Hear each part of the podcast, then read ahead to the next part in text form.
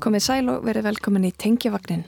Ég heiti Halla Þórleg og með mér eru þær Fannei og Anna Gíða Sigur Gísladóttir en hún er nú formulega komin um borð Tengjavagnins og verður við stjórnvölin með okkur næstu þrjár vikunar. Velkomin Anna Gíða. Takk fyrir það. Gaman að vera komin um borð í Tengjavagnin. Eh, við erum með alls konar efni í dag eftir fréttir og eftir koma til okkar listakonur. Þetta eru þær Halla Birgisdóttir Ragnæður Harpa Leifsdóttir og svo veðum við með Sigrúnur Lín Siguradóttur á línunni frá Stikkisólmi. Saman á samtleirum myndaður hópin Inspirational Young Female Artist Club. Þeir ætla að ræðum listina og lífið og velja tónlist út frá þema dagsins sem að þessu sinni er Brás. Já, en í fyrri þættinum verður fjallað um hemd í njálu. Við líðum á síðasta rapp þeirra Eiríks Guðmundssonar og Ármanns Jakobssonar um bókina sem er kvöldsagar ásar eitt um þessa myndir. Skindilega breytis njála sem var rétt að fara strama fyrir nokkru mínútum í einhvern svona yfirnáttúrulega hryllingsmynd. Mm -hmm. Jóhannes Ólafsson velti sín fyrir sér arfleif Barborjakkans. Elisabeth, breytadrottning, hún var bara veist, alltaf í þessum jakka og Karl Breytaprins er alltaf í sínum jakka. Ja. Þannig að þú veist, þar hækkaði statusin alveg geggja mikið Og við heiðrum hákarlinn í dag en 14. júli er ekki bara þjóðþáttíðar dagur frakka, heldur líka alþjóðlegur dagur til vitundarvakningar um hákarlinn. Hann er talin vera, verða mjög gaman, hann er hægvaksta og talin verða alltaf 400 ára gaman.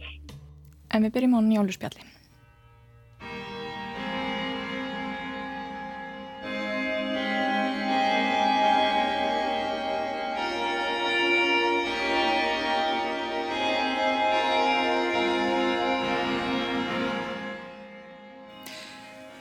Já, Ármann Jakobsson, hann heldur áfram að lesa fyrir okkur um, Brennunjál sögu á kvöldin hér á Rás 1 og fer nú að stittast í þessu hjá okkur. Við ætlum að halda áfram að tala um uh, njálu og um, já, líklega í síðasta sinn nema ef eitthvað óvænt gerist. Velkomin Ármann, uh, lokal hluti njálu, hann snýst nú ekki sérst síst, já, eiginlega bara fyrst og fremst um hemd Já, það er náttúrulega eftir brennuna þá gætum við haldið að það verið stutt eftir að sögunni en það er nú ekki aldilis það er eftir þrý reysavaksni hlutar og, og svo fyrst ég er bardaginn á alþingi og það sem gerist á alþinginu. Í öðru lagi er það hemd kára og þar að þau ger furðulegur lokal hluti sem gerist á Breitlandsegjum og þar sem brjánsbardagi er í öndviði alþingislutin er risavaksinn og það búið að segja að laga blæti höfundar fái nú sína fulla útrás. En það er náttúrulega víðar í sögunni. Það eru ímis málaferli í fyrirlutu sögunni líka og það er mikið laga mál í sögunni. Og það er einkenni á njálu hversu gaman höfundurinn hefur að laga málfari. Og þetta þekkjum við úr ímiskona myndum. Í flugslisa bíomyndum í gamla það var alltaf mikið af svona flugtækni orðum höfð við sem ekki var hægt að reikna með áhörnendur skildu en þótti mjög mikið hægt að hafa með samt. Og allir munu auðvitað til bráðavaktinni og, og spítala þar sem við vorum stöðut að ræðum rifja glennur og, og barkaþræðingar og eitthvað því um líkt. En það er í yngri annar í íslensku miðaldasögu sem er svona gríðarlega mikill áhugi á, á lögum Þetta algjörlega flæðið yfir alla bakka sína. Margir enn og helst, helst ekki að lesa þetta. Já það er mikil mistök. Þetta eru eiginlega bestu kaplasögunar mm -hmm. og augljós háttindur fyrir höfundin og það eru þessa, þessi atrið þessi Mörður Valkarsson fer með stefnuna og hann endur takkar húnna tíu sinnum. Það er tíu sinnum sem hann fer með stefnuna og hann kalla til vittni og hann fer alltaf með sömu klausunar aftur og aftur og aftur um, um frumhlaupið og hólundarsárið eða heilundar eða mergundar og svo segir hann yfir höfðu Jóni nokkur sinnum og engin veit hvað Jón þetta er. Og hann kalla til búa og og svo framvegis. Og þetta er endur tekið aftur og aftur og aftur. Og það er einmitt þegar maður lesi þetta þá skilur maður kraftin í þessu. Og þetta er náttúrulega alls ekki seinasta réttarfarsdrama sem við hefur gert. Það eru mikið af réttarfars leikritum og slíku í nútímanum. Og það er einmitt mjög gott að fara með þetta laga málfar og menn verja með lýriti og, og svo framvegs og þeir eigast þarna við Mörður Valgarsson sem hefur hingað til ekki verið eina af hetjumsögunar en fær nú það hlutverk að vera málsfari góðs. Og svo er það Egilur Bölverksson. Og eins og nafni gefur til kynna þá er þetta ekki mjög jákvæð persóna. Og þar að gefa hann að þegið mútur sem er greinlega mjög vond. Floss hefur gefið hann ring sem hann fer leinilega með. Og, og það er náttúrulega greinlega að vinna kauplust ég veit ekki hvort þetta er eitthvað sem lögfræðingar nútímans geta haft til fyrirmyndar. Kannski er þetta þetta nota verið að skora á lögfræðinga íslenska lögfræðinga taka aldrei aftur greiðslu fyrir verk sín. En sem sagt Ejjólfur tók við greiðslu og hann var síðan gerður óhelgur fyrir það þegar hann var veginn. Þannig að þeir eigast þarna við og þetta er rosalega mikið drama og þeir spilla málunum fyrir hverju örum nokkur sinnum. Og svo að lokum þá er þetta alltaf einskís þetta bara leysist upp í, í resavaksin bardaga og fjöldmargir eru vegnir snorri goði blandast inn í þetta og, og segir brandara um, sem enginn skilur um Þorvald kroppinskekja og kól sem hann kallar upp og veit enginn hverju eru. Og fræðmur er enþá deilum hverju þeir eru og hvað snorri eiginlega meina með þessu. En ég held hans ég að meina að það séu draugar með sér í liði mm -hmm. sem vergi við í almannagjá. Og að lokum er þess að sæ, sæ, taka sættir þannig að þar með líkur þessum fyrsta hlutahemdarinnar nema það að tveir menn taka ekki þátt í sættin og það eru Þorkir Skorargeir og Kári. Og þá hefst fyrri hemd Kára þar sem Þorkir Skorargeir er miðunum og þeir ná mörgum brennumönnum og eftir það er svona yngu líkar en að höfund hafi fundist Þorkir of áberandi því að hann er nú artaki skarpi eins og hefur ert auksina og þannig að hann er, þeir sættast við hann en Kári heldur áfram smástund og hann fær nýjan fylgdarmann sem er Björn í mörg og hann er velþekkt típa úr gaman leikihefðinni hann raupsami herrmaðurinn sem þykist vera ægilegur ægilegur hurakur en í raun og veru gerir hann aldrei neitt sérstatt og Björn í mörg er skemmtileg persóna. Konan hann setur hann svolítið stólinn fyrir dittnar og segir tröll hafið þitt skrum og hól. Það eru tvísfæri njálu sem tröllin eru ákvölduð Hallgerður segir líka tröll hafið þína vini. Þegar njáll er eitthvað að fara að tala um að fólki á bergskóli sé vinunars þannig að Björn verður kára til stuðnings. Og þetta er eiginlega eins og endurtekning. Fyrst var þetta hemd kára og hún var alvarleg og svo er hún endurtekinn sem gamansaga mm -hmm. aftur. Og þetta er, þetta er ef Njáli er yngre en lagstala þá er hann Njáli hundur er sennilega lært þetta af lagstala það er nákvæmlega eins. Það er hemd uh, kjart, eftir kjartana sem bollir veginn og svo er hún eiginlega endurtekinn sem gamanleikur mm þegar Helgi Harbensson er veginn. Sami struktúr. Já, sami struktúr nema skindilega allt fyndið og, og gamansamt og endalust spög mm og þannig er þetta í þessum bjarnarluta og svo er þessu líkur þessu lokum, lokum og uh, kári og lesendu geta brosa svolítið saman að bytni og þá skyndir að fara allir til útlanda. Við förum til útlanda þegar menn, menn dragast inn í mikla deilur á Breitlandsegjum og þær snúast ekki bara um valdabartu heldur um bara helvit og himnaríki. Njálega skyndir orðin eins og sagast Jón Kalman. Bara himnaríki á helviti og menn sjá þarna einhverja fuggla frá helviti og ég veit ekki hvað aðna hver maður þessu atriði sér einhverja sínir þannig að skindilega breytis njála sem var réttafarsdrama fyrir nokkru mínútum í einhvern svona yfirnáttúrulega hryllingsmynd. Mm -hmm. og þeir eru allir með í bardagunum Kári og Flossi og menn hans og, en þetta skiptir einhver máli fyrir fléttuna. Njála og, og þetta er allt sem hann glemt í raun og veru. Og, og að lokum þegar Bjánsparti er búin þá er sagan eiginlega búin líka. Kári og Flossi fara heim svo hittir Kári Flossa og þeir sættast og Kári giftist ekki höskuldar sem hann drap hann var með í að vegan og það skiptir engum málu lengur. Nei. og allir eru bara sáttir. Þetta er svolítið skrítin endalokk Já, mjög skrítin og Flossi hann fer í að lokum í utanansverð og og ferst í hafi heldur til hafs og, og, og spyrst ekki til hans meir. Ég finnst það ægilega fallegt veri, það er svona frum efnin komum við sögu hér. Já. Flósi á Svínafelli hann býr rétt hjá jökli, nú vitum við ekki nákvæmlega hvernig afstæða bæjar eins og jökulsins var á þessum tíma, en Svínafell er mjög nálat jökli, mm. það er engin bæjar á Ísland sem er næri jökli en Svínafell. Þannig að Flós hefur lifa alla æfi undir jökli hann starand á jökullin og svo verður hann frægur fyrir að kveikja eld.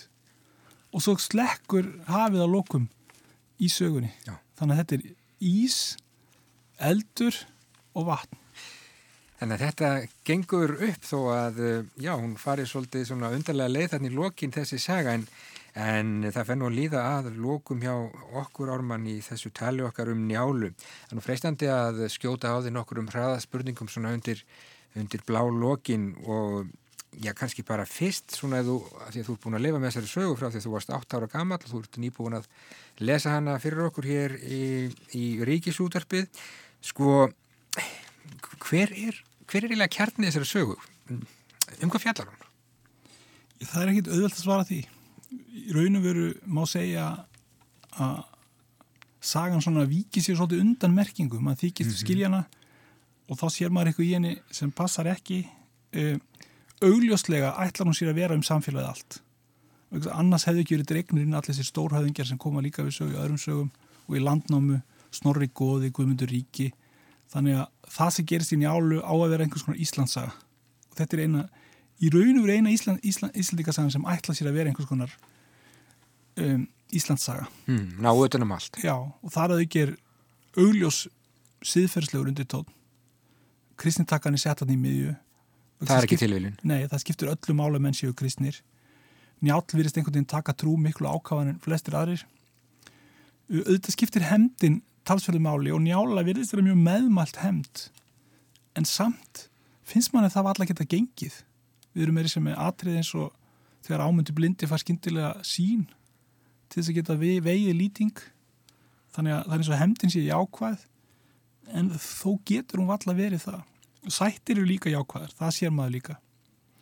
Uh, þannig að sagan er svolítið, hún er svolítið tvírað fyrst mér Já. hvað þetta varðar. Og ég er auðvitað að byggja þig um því ómögulega en uh, Já, hefur, hefur Brennunjálsaga, hvað maður að segja, tilfinningarleg áhrif á þig? Um, hver er fallegasti kaplinn og hver er svo sorglegasti? Ég held að allir, allir, allar góða bókumtir hafa tilfinningarleg áhrif á mæn og þau eru, þegar um að ræða sögum svo njálu sem að lesa aftur og aftur, þá eru þau misjöfn. Í setni tíð hef ég verið svolítið hugfangjörna sem smaladrengjum. Það eru smaladrengjir í sögunni. Það er til dæmis einn sem fær afhengt höfund Sigmundar á að sína Hallgerði það og svo hendir hann höfðuna því hann svo rættur og svo kemur hann að játa fyrir Hallgerð og segir ég þorði ekki að láta þið fór höfuðu því ég var svo rættur og Hallgerð skammar hana því að þetta hefði hún ekki geta komist hjá hendi ef hún hefði geta afhengt Gunnar í höfuð Sigmundar. Mm. þannig að smaladrengurinn leikur svolítið hlutverk og hann heitir ekki neitt þeir heit aldrei neitt. Og svo er annar smaladrengur sem hjálpar Gunnar í setna og hann fyrir bara að sofa. Skyndir að fyrir hann bara að sofa þegar átökinn hefjast sem er alveg fáránlegt einhvern veginn. Mm, hann er búin að segja hann um hér er menn grái fyrir játnum og þetta er svona þessu úrstýrta leikurinn í ennsku byggarkeppnin sem hefjast. Þú veist það er augljóst átök fyrir höndum og smalatir einhvern veginn að leggst nýður og sopnar þetta er einhvern veginn svona Já. absúrt atriði. Og heillar þig. Já, allt svona heillar mig. Já, allt svona sem virðist ekki að hafa neitt sérstakann tilgang en er samt í sögunni því að það er ekkit í sögunni sem er tilvíljun ég meina það þurft að drepa, það þurft að fjölda myrða kálfa fyrir svona sögur og menn gera þetta ekki að ganni sínu. Nei. það er ekkit í sögunni sem á ekki verðar Svona bók er ekki færð til bókar bara til að skemta sér. Ég segi bara, ég er kannski bara í blá blálóki norman heldur þú er, er eftir að lesa njálu aftur, enn og aftur? Upphátt. Nei, nei, í hljóði. Ég á öruglega eftir að lesa hana áður en það eftir. er, ég á öruglega eftir að lesa hana aftur en að lesa hana upphátt er því lít áttak að það er ekkit vist að ég ráði við það með vaksandi aldrei Sjáum hvað setjum við það, ég segi bara takk fyrir lesturinn Ármann eh, Jakobsson og takk fyrir að spjalla við mig í njálu hér á Ráseitt síðdeis í sumar. Takk fyrir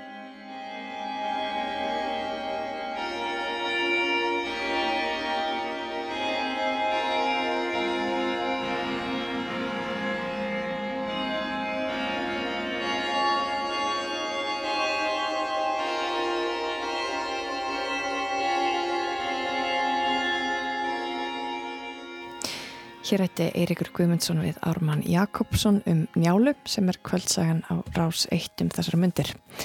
Þetta var síðasta spjall þeirra hér í tengjavagninum en þeir hafa velt verið sér efni bókarinnar á síðastlinum vikum bæði hér í tengjavagninum og þar á undan í viðsjá. Og þá yfir í allt aðra salma, Jóhannes Ólafsson er að pæla í barborjakkanum í dag. Hann hefur verið að skoða hvað þessi enginandi flík stendur fyrir Staðfestir jakki einhverja kartmannlega sveitaromantík? Er hann til margs um ríkidæmi? Eða er hann einfallega bara góð hönnun?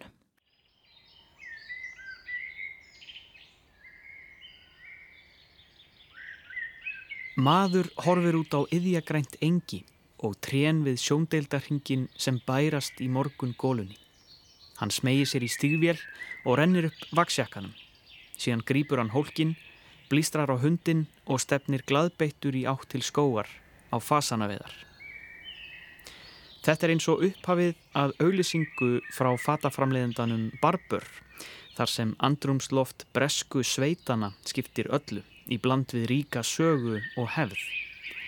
Barber er stöndugt fjölskyldu fyrirtæki sem nær fimm kynnslóðir aftur í tíman allt til ásins 1894 Því er treystandi og allt handgert eins og í gamla daga. Hvort sem það eru föta á karla, konur, börn eða jafnvel hunda, í fatahengi barbur er eitthvað sem hendar við allar aðstæður. Sér hannaðar flíkur fyrir útivist og krefjandi aðstæður, í skotveðina, í reyðtúrin. Þetta er sveitaklæðinaður, þetta er lífstíðareign, þetta er vandað og vandað kostar peninga. Þegar fólk klæðist barburjakka, klæðir það sig í söguna, klæðir sig í hefðina. Barburjakkin hefur verið að velkjast sérstaklega mikið fyrir mér undafarið. Þetta er enkennandi flík og öll þessi saga og ímynd vekur hjá mér spurninguna hvað er málið með barburjakkan?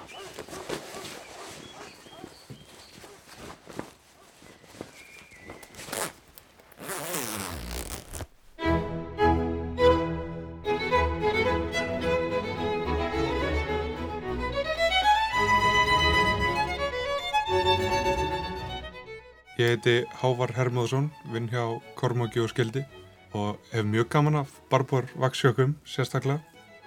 Ég heiti Ari Ísveld Óskarsson og er leikari og mikill áhuga maður um Barbor Vaksjöka, vinn stundum líka í Kormáki og Skildi.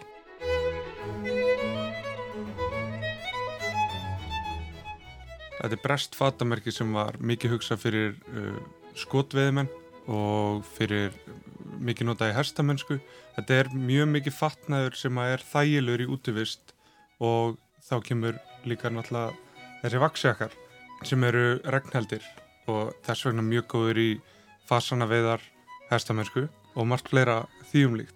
Og þetta er svona eitt af stóru svona heritage merkjónum frá Breitlandi mm, og náttúrulega það eru nokkur önnur svona vaksfyrir, svona útivistar skotveið fyrirtæki í Breitlandi eins og mm. Belstaff og Brigstol og eitthvað svo leiðis mm. en þetta er svona aðalmerkið og það er örgulega því bara að konusfjölskyldan tók þetta upp og, og Elisabeth breytadrottning, mm. hún var bara veist, alltaf í þessum jakka og Karl Breytaprins er alltaf í sínum jakka ja.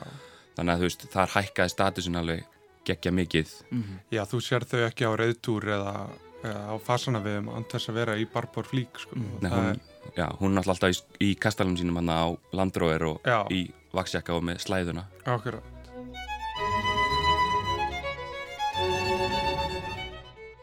Já, Barber er sveitó ætlað í erfiðis vinnu og puð og á að þóla ævarandi breska súld. En þetta er ekki engöngu fatnaður fyrir þá stjett sem hefur það atvinnu að yrkja landið og fóðra dýrin. Þetta er einhvers svona efri stjettar klæðnaður til þess að vera í sveitinni að því að veist, þetta, þetta er allt einhverju svona lordar og, og, og ladies sem að koma úr þessi, þessi upper class dæmi koma úr bara úr sveitinni. Já, og þessi sveita, þetta er náttúrulega við erum að tala um skotveiði og að fara á hersbak sko. þetta er ekki Já. þetta ódýra þetta, þetta er það sem þykir flott og, Já, og vera með tíu æris settir að ná í fugglana fyrir þig og svona leiðis og refa veiðar nema þeir reyndir ekki í barbúri ekkunum í refa veiðum held ég. Nei, Nei það er eitthvað annað það eru allir uppstýrilaðir í eitthvað raut og eitthvað læti Já, með eitthvað svona hatta sem eru með svona chinstrap sem að ná ekki fyrir neðan höku og svona mm. Já, okay. þannig að þeir eru ekki barburhökum í refaviðin okay. Barbur er alls ekki eina fyrirtækið sem stiðst við söguna til að telja fólki trúum gæði vörum og það á heldur ekki bara við um född. Til eru ótal fyrirtæki sem hafa öðlast virðingar stöðu sem gamla góða vörumerkið, eitthvað sem er flott og verðmætt og alltaf til staðar. Á ennsku er talað um heritage, arfin eða arfleiðina. Það sem hefur staðist tímans tönn og sanna sig fyrir löngu. Þið kannist eflust við frasa eins og byggt á aldagamalli hefð eða hefur fyllt þjóðinni öldum saman. Sé þetta sett í Íslenskt samhengi mætti nefna fatamerkið 66 gráður norður sem skýrskotar í söguna með ábyrjandi hætti en það eru fött fyrirtækisins upprunlega ætluð sem hagnýtur kostur fyrir breymbarða og vota sjómenn. Nú er fatamerkið með þeim stærstu á Íslandi og ekki bara fyrir sjómenn heldur líka sem hátísku vara borgarastjættarinnar. En arfleiðin er aldrei langt undan, þrek raunir og þól íslenska sjómannsins í gegnum áratuguna. Það sama mætti segja um ímislegt annað, SS Pilsur, en slagur þeirra er þjóðleg fullirðing, Íslendingar borða SS Pilsur og eflest finnst mörgum það sjálfsæður réttur allra. Íslenska skýrið er annað dæmi, hver alltaf svo sem að andmæla því að þetta jógurt sé eitt af því sem hefur haldið lífi í þjóðinni í gegnum aldinnar. Fjölmarkir reyða sig á marg sönnuð vörumerki með rætur í aldagamalli hefð.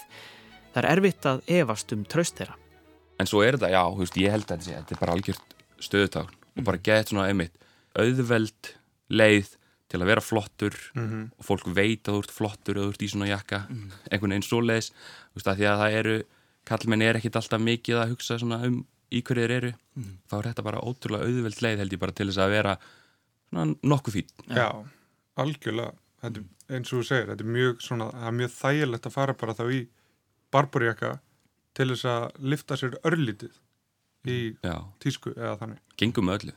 Kjarni Barbur er einmitt þetta, hið tímalösa og áreiðanlega. En eins og með aðrar vörur er fólk ekki bara að kaupa áreiðanlega flík í tilfelli Barbur. Heldur ákveðna frásögn, þar að kaupa sig inn í sögu og tröst Barbur. Öðlast eftir vil smá hluteld í því um leið. Tengir saman sveitina og borgarastjættina og jáfnvel gælir við þið konunglega. Þótt barburjakkar séu eflaust hugsaðir fyrir hvert þann sem þarf góða útivistaflík er ákveðin þjóðfélagshópur, afar kunnulegur, sem klæðist heimað upplægi, kvítir, efnaðir, gagginniðir karlmenn. Barburjakkin styrkir karlmennsku ímyndina. Hann segir, ég get líka unnið erfiðisvinnu og verið sveitó, veitt í matinn og riðið út með riffil á bakinu. Þetta segir að minnstakosti greinahöfundur bandaríska fjölmiðilsins Vice, Louis Staples, í grein frá árunni 2019 sem ber heitið Straight Men Quite Simply Can't Quit the Barber Jacket. Gakkinniðir karlar geta bara ekki hægt að gangi í barberjökum. En af hverju? Og er það satt? Staples undrast að minnstakosti að ungir karlar af borgarastjett skuli tengja við jakka sem er svo rótgróin í hefðinni og í sveitamenningu. Markmiði með því hljóta verið eitthvað annað og hann kallar það félagslegan felubúning að vera í hefbundnum og smekklegum klæðinaði án þess að láta of mikið á sér bera. Klæðinaði sem segir gæði en ekkert prjál. Já, þetta er náttúrulega bara ótrúlega auðveldur einhvers svona búningur mm. til að fara í að þetta er einmitt flott en þetta er líka einmitt gefið til kynna einhvern veginn svona í gamla daga þá varstu í höndir stígvilónuðin líka og mm. hérna með sixpensaran og með eina ein, rifflara á fullta hundum mm -hmm. þannig að þú veist sem er náttúrulega ekkit lengur einhvern veginn allir þessir kallar í sérstaklega í London í barbur vaksjökunum sínum mm -hmm. alveg pottið sko einhvern veginn svona, eh, svona subconscious dæmi mm -hmm. er þeir að hugsa þetta vá ég er svona, ég er svo mikil kallmaður að ég er, ég er tilbúin að fara út að skjóta Já. þótt ég sé að vinna hérna á skrifstofu á 2003. hæð í verbreyfum Þá vísar Staples einnig í skrif Erin Masi de Casanova, félagsfræði profesor við háskólan í Cincinnati í Bandaríkjónum. Hún hefur ansakað herratísku og segir þróun hennar að jafnaði íhaldsama og hægfara. Enginnismerki herratísku í gegnum aldirnar er fylgispekt að falla í hópin. Það tengist gömlum hugmyndum karlmennskunar um að karlinn eigi ekki að draga aðtekli að útleitinu heldur gáfum og hugmyndum sínum. Staples skrifar, tilvittnum hefst. hlutverk Karla virðist vera ganga í gegnum raunverulegar breytingar og með þeim kemur ákveðin nostalgísk karlmennska umvafin aðdáun á burðarstólpum í fataskáp millistjættarinnar eins og Barber, tilvitnun líkur. Ég gæti alveg trúað með við, þar sem ég sé bara nýri búð hjá mér að við seljum aðalega herraföld að Barberjakkin til dæmis selst alltaf hjá köllum en hann er fyrst núna að byrja að seljast eitthvað mikið hjá konum. En Já. hann var alltaf voðalega vinsall hjá konum. Mm. þannig að kannski þetta er reyndar mjög svona gróft dæmi og hröðþróun. En það kemur alls ekki óvart ef að kallar væri miklu meira svona að uh, halda í gömlu fötu sín miklu lengur og svo allt í hennu fattið ykkur til að fara með þetta. Já, Já. náttúrulega líka bara í gegnum aldirnar þá er svona mjög öðvelt, maður er ofta einhvern veginn að skoða einhvern svona YouTube-vídeó, einhvern svona fashion through the ages hjá kallmunum og það er rosalega litla breytingar. Ég myndi, það var eitthvað svona þetta er alltaf bara jakkaföllinga og það er bara eitthvað svona já og allt í hennu bættist þið einn tala. Bara wow eða þú veist, núna er náttúrulega bara veist, að tíu ára fresti þá er það hvort það sé þröngarböksur eða viðaböksur og núna eru við að koma aftur í viðaböksur háttmiti, láttmiti þetta, þetta er eina sem gerist að kalla þetta er alltaf sem er flíkunna mm. Vaksjökkum frá Barbur fylgir líka karlmannleg kvöð að hugsa vel um þá og hlúa að þeim. Og það finnst mér rýma við annað nostur sem er vinsalt í dag. Súrdegsbakstur, pottaplönturæktun og núvitund. Barbur er yfirhöfn sem þarnast fyrirhafnar. Það vita hávar og ari manna best. Mér finnst einfaldast að tala um þetta eins og að mála vegg sem er kannski með nokkur sprungum í ok, það er kannski mála vegg að því þú þart bara þú ert með ákveðið vaks í dollu sem þú þarfst að byrja á að bræða. Þegar þú ert búin að því þá höfum við yfirleitt unni með að dífa bara dífa klút eða, eða hérna, svamp ofan í. Bera það yfir allan jakkan jaft, eins jaft um að mögulega getur fara vel í saumana og það eru svona álagspunktar. Vasar og undir vasar, hendur og svona. emitt og hérna, jakkabrúnin neðst mm. hún er mjög mikilvæg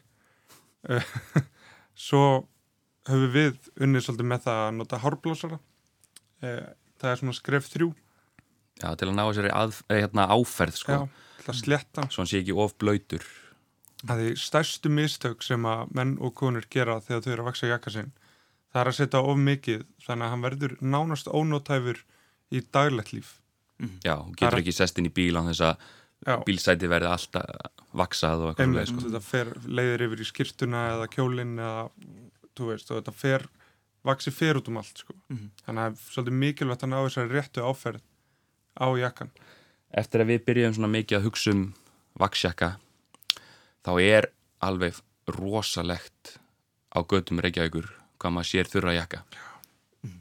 þannig að bara ef fólk er að hlusta á þetta og veit að af þurra jakkanum inn í skáp mm. bara gerið það vaksið á bara sem fyrst ja.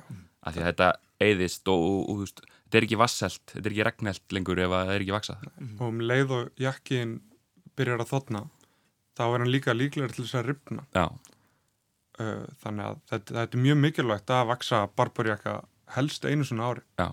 og það er auðvelt með barbarjakkan, það er auðvelt að, að bæta svona lögum á hann það er eiginlega á öllum eru nappar fyrir hættu það er rennilás innan í þeim öllum fyrir uh, auka vesti eða auka fóðringu mm. þannig að það er svona þeir, þeir eru svolítið að sjá fyrir þessu öllu saman í hönnuninni mm.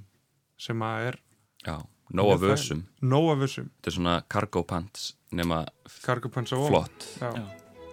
Þannig að þetta er miklu meirinn flík Þetta er miklu meirinn flík mm. En hvort barburjakkin sé til þess að sínast efnaður og staðfesta kartmennsku sína án óþarfa aðtegli eða einfallega merki um smekk fyrir endingargóðri og vandaðri hönnun, þá er hann áberandi stöðutá.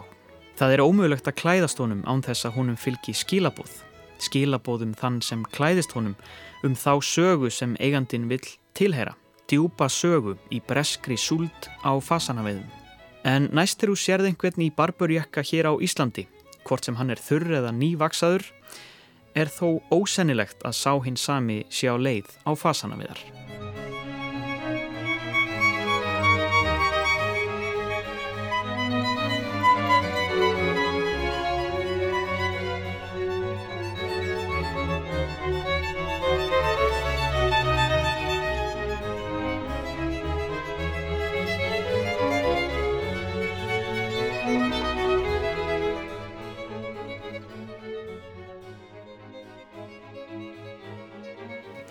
Hér heyrðum við brotur fiðlukonsert í Edur eftir Jóhann Sebastian Bach í kjölfar umfjöllunar Jóhannesar Ólafssonar um en æfinlega dáða barbúrjaka. En í dag er alþjóðlegur dagur til vitundarvakningar um hákarlinn. Að því tilefni kynum við okkur háfa, þá aðalega hákarl okkar Íslandinga, Grænlands hákarlinn. Anna Gíða rætti við Klöru Jakobsdóttur, sjávarlífræðing hjá Hafrannsóknarstofnun.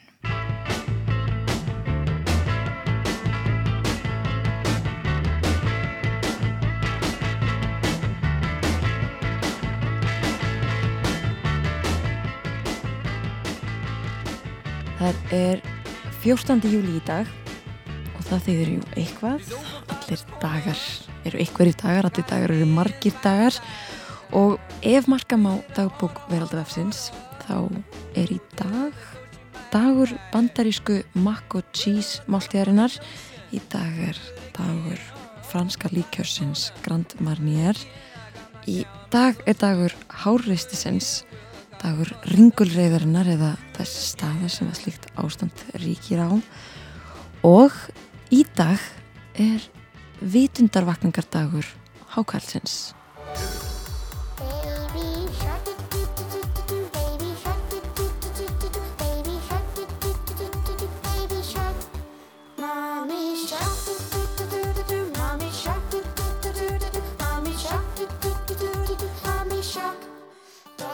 Æ, þetta er svo leiðilegt lag. Ég ætla þó að spila það einu sinni enn í þessu einslegi. Þó ég aðeins betri útgáfi í það sinn. Það verður þá í sérstakri flautu útgáfi. En það er sem sé vitundarvakningardagur hákallsins í dag eða Shark Awareness Day eins og þeir kallaða Erlendis og Mér verður ekki tekist að finna uppbruna eða sögu þessa dags en það er ég ekki alveg vissum að það sé svo sem eiginlegur dagur sem að nokkur maður heiðri eða virði, jújú, jú, líklegast en maður treystir bara verið alltaf öfnum ekki eins vel í dag og maður gerði á þau fyrr. E, við hér í þengivegninum ætlum þó að nýta tækifærið og hugsa um hákalla í þætti dagsins.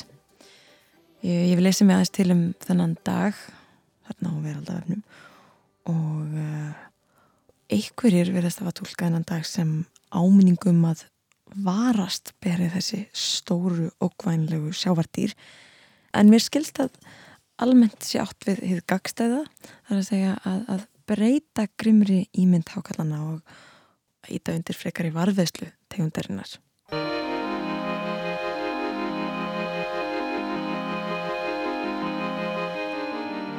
Gunnar Theodor Eggersson, reytafundur og bókmyndafrængur, spjallaði nýlega við Katrínu Ásmundsdóttur um hákalla. Samræður þeirra áttur sér staði þettinum glans, en í þessum umræta þetti var beint sjónum að dýrum og meðal annars spurt eru þau samskipti sem við eigum við dýrin allt í kringum okkur raunveruleg eða aðeins ímyndun okkar? Það er, það er franskur hinsbyggingur sem að komið línu einu sem ég, ég finnst alltaf eiga við og það er það að, sagt, að fyrir dýr að vera áhugavert sé sagt, politist afreg ef þið tekst að vekja áhuga mannfólksins. Og ég er ekki að segja að það þurfi endilega að gera dýr áhugaverð minna auðvitað í ættu því að hljóta tillit og allt það fyrir sína eigin sakir sko og þess að þurfi endilega að vekja áhuga mannfólksins en það er bara ekki alveg þannig. Og maður sér það með dýrategundir eins og alla það dýrategundir sem er einhvern veginn í útímingahættu hvaða dýr fá emitt aðeglina hákallar það hefur gengið rosalega illa að reyna að bjarga hákallum af því að fólk hefur ekki áhugaðum og ef ég maður rétt á sko Peter Benchley sem skrifaði Jaws ókindina eh, á 8. áratögnum hann baðast bara afsökunar á þessari bók setna með sko hann stopnaði samtök til að venda hákallar sko og bara hafði bara einhvern veginn djöfulgert hákallin fyrir öllum heiminum með þessari bók og alltaf Steven Spielberg síðan með myndinni. Og ég menna þú veist hákallar eru ótrúlega merkilegt dýr og það er búið að reyna að gera heimildamindir um hákalla og vekja aðtegli og það bara gengur ekki neitt með að við, þú veist, höfrunga eða einhvað höfrungar eru ábyldisfull dýr líka og þeim líkari sem dýrin eru okkur þeim oft ljótarir höfðum þeirra líka sko en þú veist, við elskum höfrungana en skýtsam hákallana það er líka Sjá, það sem þessi menningalega dýrafræði snýstum er, þetta er allt svo handáðskend þetta myndast allt bara einhvern veginn mm -hmm. í menningunni. Þetta er bara svona einhver svona gröður þess vegna þegar dýrasiðfræðingar koma fram og segja bara hvað ég er búin að rekna þetta út hérna er formúlan samræmi í þessu og þessu og þessu og þess vegna eigum við öll að hafa svona eins og Peter Singer og fleiri gera. Ok, þú veist, það virkar alveg en þeir stíga bara alltaf svona yfir menninguna einhvern veginn, popmenninguna og, og menningasöguna og mm -hmm. láta eins og veist, það hafi ekki áhrif líka, það hefur miklu meira áhrif á hugmyndur okkur en dýr heldur en mjög pottéttur en þurr hinsbyggitæksti sem segir okkur hvernig við hefum að hafa okkur, það bara, við erum ekki stiltarni, við erum ekki þannig velmenni Nei, og ég ætlaði með þetta að fara að reyna að gera einhverja tilhörn til að útskýra af hverju maður samsamast ekki með kvölum, þú veist, þau eru ólíka okkur, ég skil ekki hvali, ég veit ekki hvernig þeirra daglega lífi er og þannig. Uh, en svo um leið og nefndir haurungana, það er nákvæmlega eins en hérna mikið þykir mér væntum þá. Já, einmitt, það er bara alveg á okkur með, já.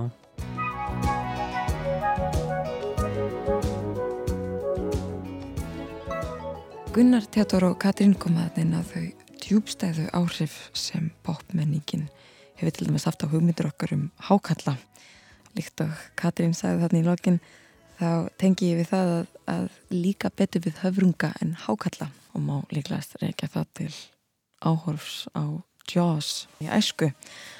Jaws sem að hlaut því fína íslenska heiti Ókindin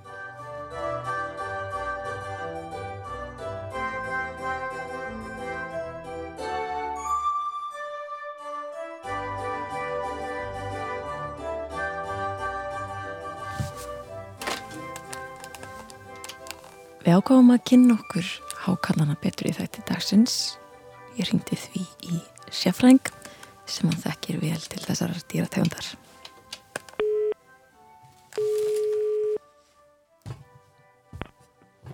Já, halló. Sæl Klara, þetta er Anna Gíða. Já, sæl og blessuð.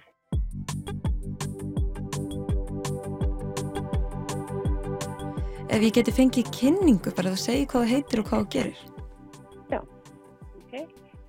Ég heiti Klara Jakobsdóttir og ég er sjávalífrængur og vinn hjá Hafrásandastofnun.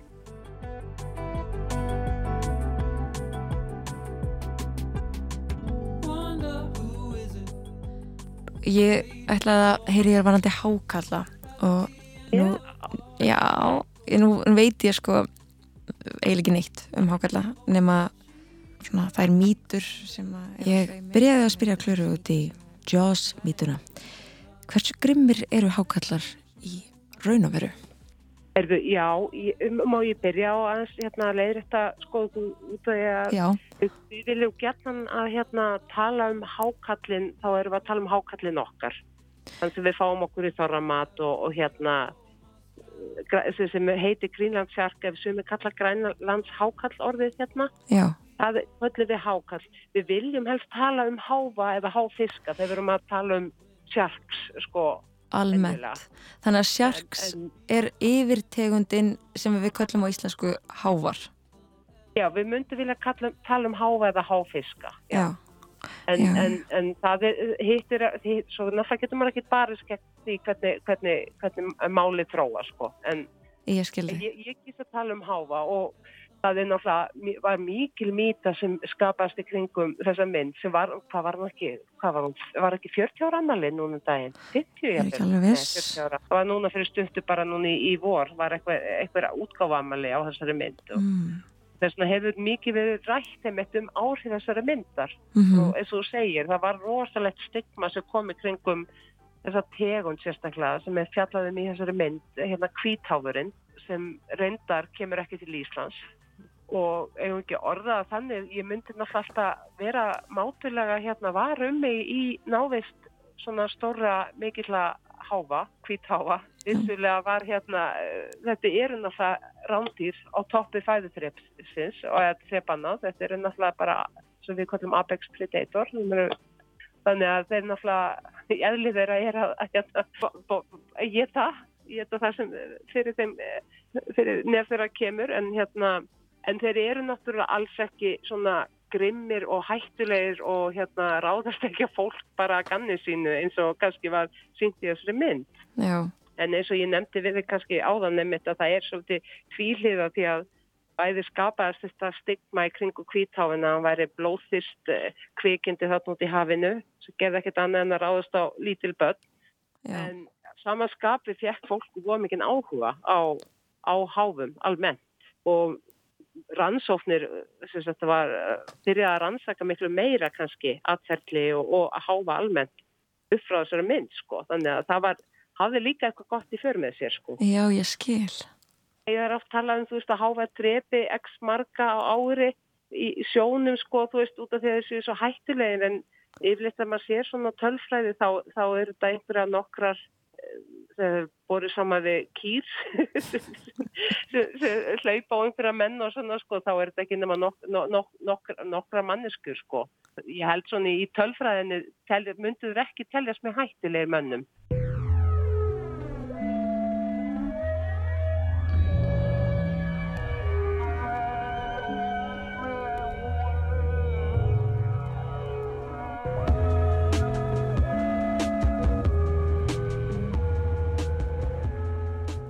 ef maður hugsa um vistkerfið í heild og hlutverk háfanna í vistkerfinu hversu Já. mikilvægir eru þeir?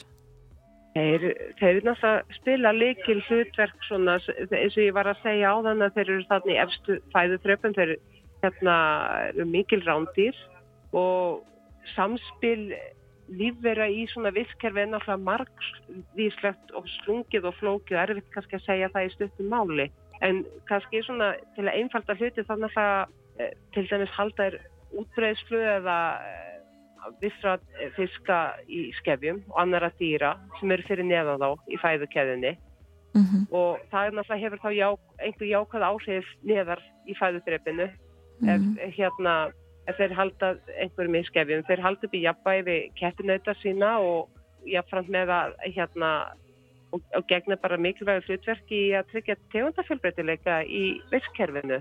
Eru hávar í útrýmingahættu?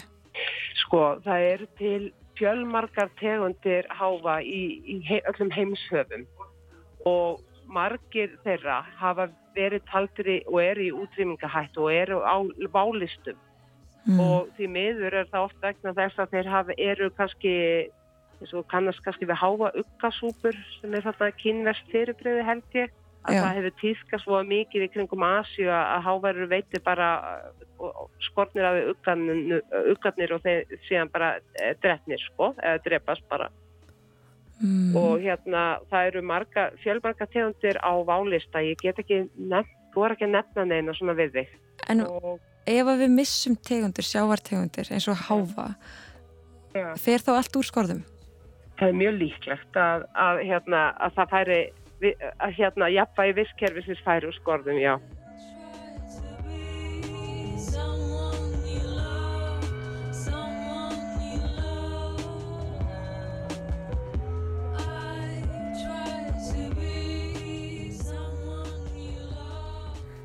Ég spurði Klöru nónar út í Grænlands hákallin þar að segja þannan sem að við Íslendingar kallum gerðnan hákallin okkar þetta eru stór merkileg kveikindi þeir eru hérna einir að fáum tegundu sem þrýfast í svona mjög kvöldun sjó eins og hérna við Grænland og hérna við Ísland.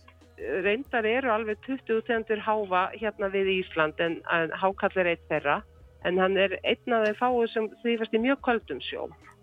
Mm. og hann er ekki, hann hefur ekki tennur til að vera, er ekki sérstaklega grimmur, hann er líklegast bara mikil hérna, mikil hérna hrætýra æta hann verður svona ég allt sem að kæfti kemur og hérna og líklegast mikil hrætýra æta talin grípa seli og aðra en við vitum í raunum ráslega lítið um, um hákallan þá Nú, hvers vegna? Hann er á miklu dýp, já, hann er miklu dýpi, hann er í kvöldu sjó og þetta er bara svo erfitt eh, rannsóknar svæði.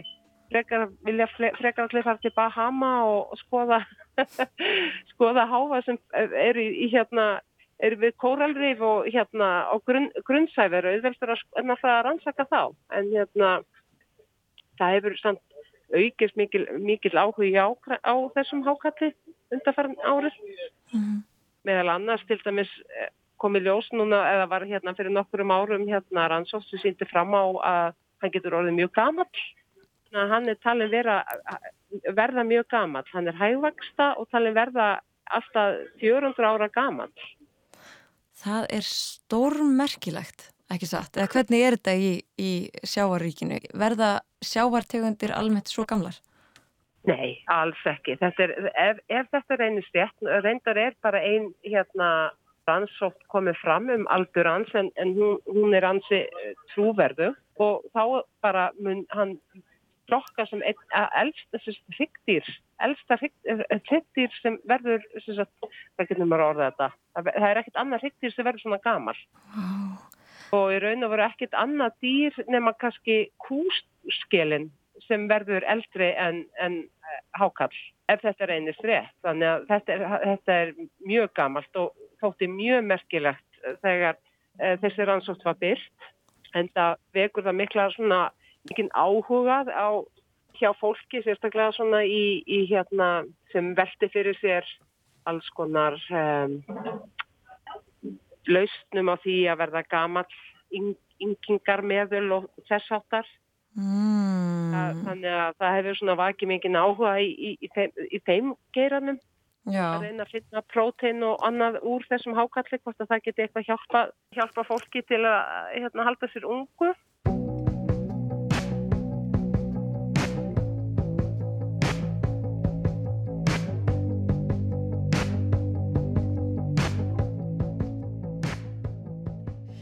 það er áhugavert að ímynda sér að maður geti kannski einhver tíman komið auga á hákall, Grænlands hákall, okkar hákall, sem að hefur verið uppi á sama tíma og Shakespeare til dæmis. Já, finnst þér það ekki. Það er stórmerk. Það er mitt að velta þessu fyrir okkur hvað þetta, þetta er merkilegt sko, hérna, það maður að reyna að setja þetta í samengi við, við söguna.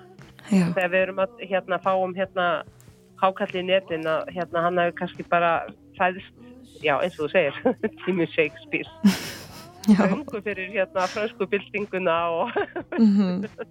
mjög stórmerkilegt að hugsa til þess. Við, við mennirni búin að vera einhvern veginn út að aka í ykkur bulli, stríð og ég veit ekki hvað og hvað og svo flýtur hákallin fram hjá og svona ringsólar okkur hlæra okkur kannski, vonandi. Já. Money's the matter. If you're in it for love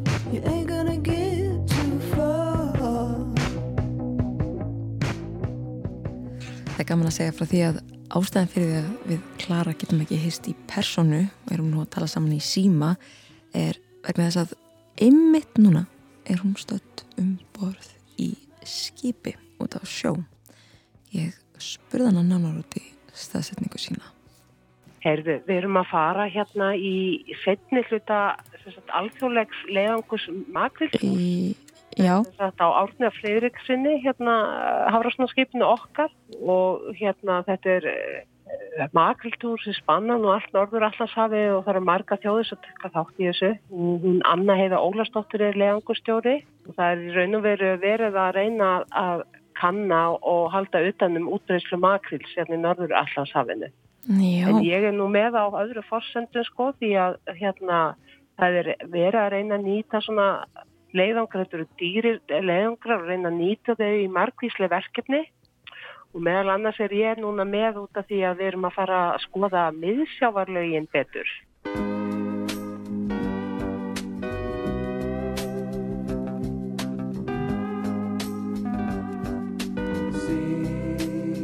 Você passar daquela porta, você vai ver hvað er það skemmtilegasta við sjávalífræði eða hvað er það sem heillar þig við sjávalífræðina?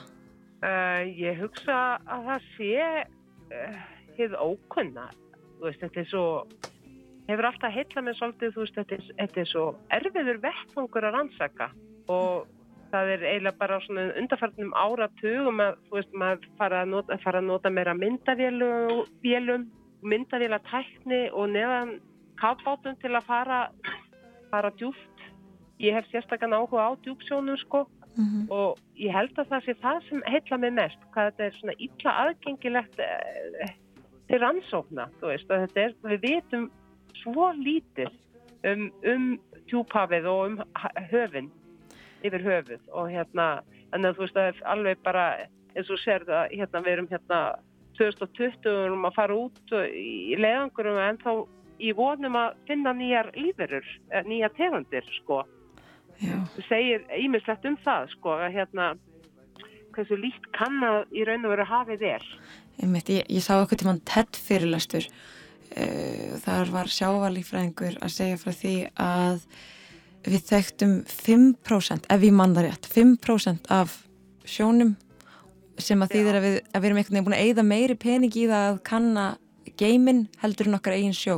Já, einmitt. Ég, ég kann að segja hana fyrirlestur. Þetta er einmitt frækt kvót eftir hennan að hérna, það sé búið að eigða miklu meiri peningi að rannsaka geimin heldur en okkur tíman sem er kannski bara rétti við, við fætunar á okkur, sko. Já. En, hérna, já. En já. ég segi bara takk kærlega fyrir að, að að segja okkur frá sem leiðungri og, og segja okkur frá háfum og hákvöldum. Já, þetta var nú lítið, lítið sem ég sagði frá en hérna bara, já, bara mín var ánægin. Og, og gangi ykkur vel á þessum túr, í þessum leiðungri ykkar. Já, fyrir, takk hella fyrir.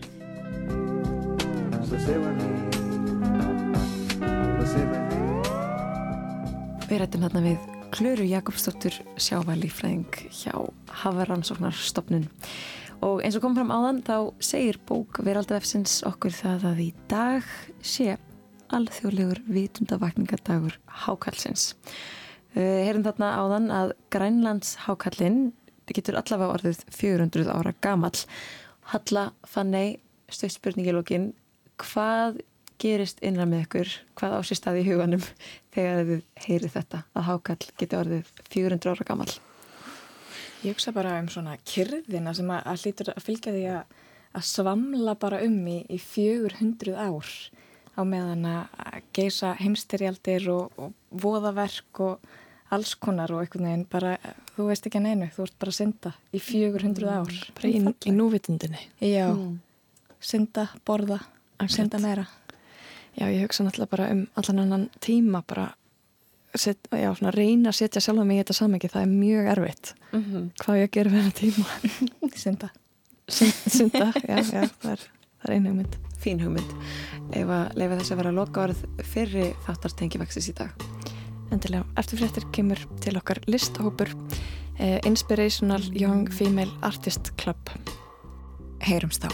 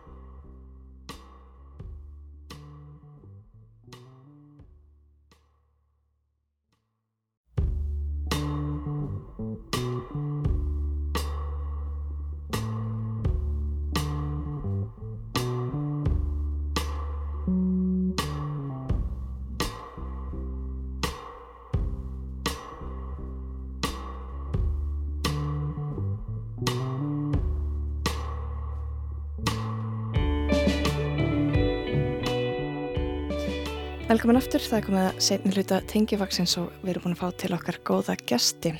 Það er listhópurinn The Inspirational Young Female Artist Club og hingaði í hljóðstofu eru kominir tveir meðlemið hópsins, það er Halla Byrkistóttir og Ragnæður Harpa Leifstóttir.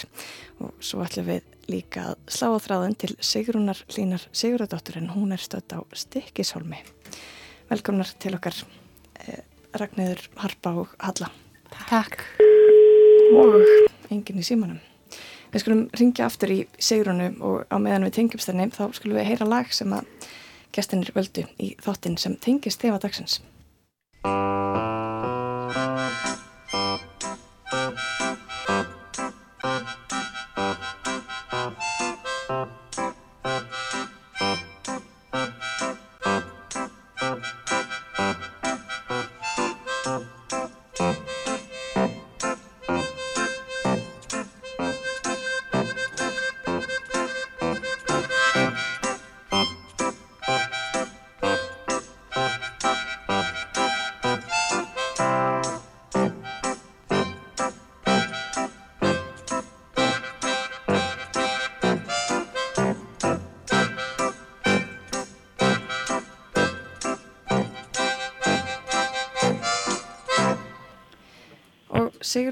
Komin á línuna. Sigrun, ert það hana? Ég er. Þú ert hana? Já. Herðu, þetta lag sem við erum að hlusta á er hlustendum eflust kunnugt. Þetta er tjekniska tvíegið Klauvaborðanir. Hver er valdið þetta lag? Uh, ég. Halla Byrkistóttir, hva, hva, hvernig tengist þetta lag þeim á dagsins? Þetta var rauninu bara það fyrsta sem mér dætt í hug þegar við erum að tala um bras. Bras er þeim á dagsins? Já. Einmitt. Þetta eru, þetta eru um, svona kallar sem eru í stanslösu brasi og, og gengur ekkert sérstaklega vel. Nei, en eru samt einhvern veginn alltaf svona þessi tveir félagar saman að alltaf tilbúin er að koma inn í brasið hjá öðrum. Einmitt. Hjálpa stað. Já. Er þetta svolítið eins og um, The Inspirational Young Female Artist Club? Já, það hérna, getur verið þannig. Stundum erum við einhvern veginn á þeim stað að, að ég hugsa svona bara hvað eru að, hvað eru að gera þarna? Hvernig komist þið hingað? Að þegar vorum að lappi hús á, á seðsferði og banka heimi á fólki til að spurja hvort við möttum flagga í fánastangunar hjá þeim. Eða þegar við vorum í gömlum ólíutanki á, á Djúbavík sem er svona ágætlega fullar af vatni upp í stiga einhvern veginn að brasa við að hengja upp eitthvað í súlur sem eru á molna Þú ert að lýsa uh, listsýningum sem þeir hafi staðið núna síðistlega hvað 6 ár 7 Já, alltaf ekki bara Já. Hvernig byrjaði þessi starfsemi Ragnæður Harpa?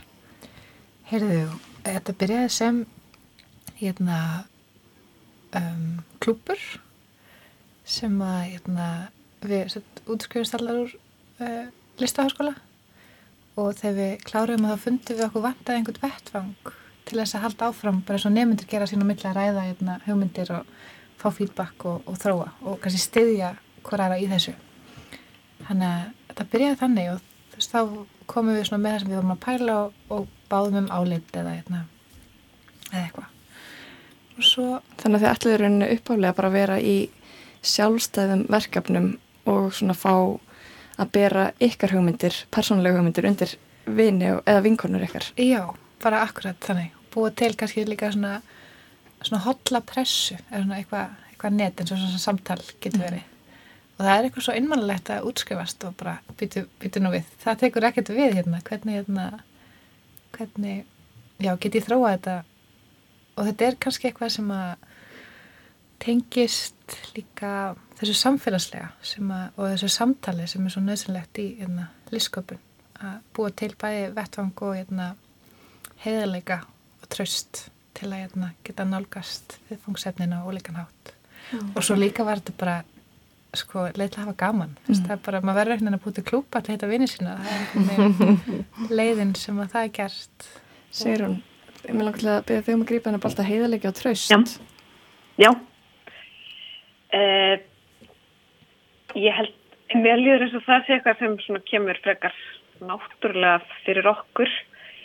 Uh, og það er svona eftir, það er það sem er ótrúlega gefandi við að vera svona yfir lengri tíma í samstafi að hérna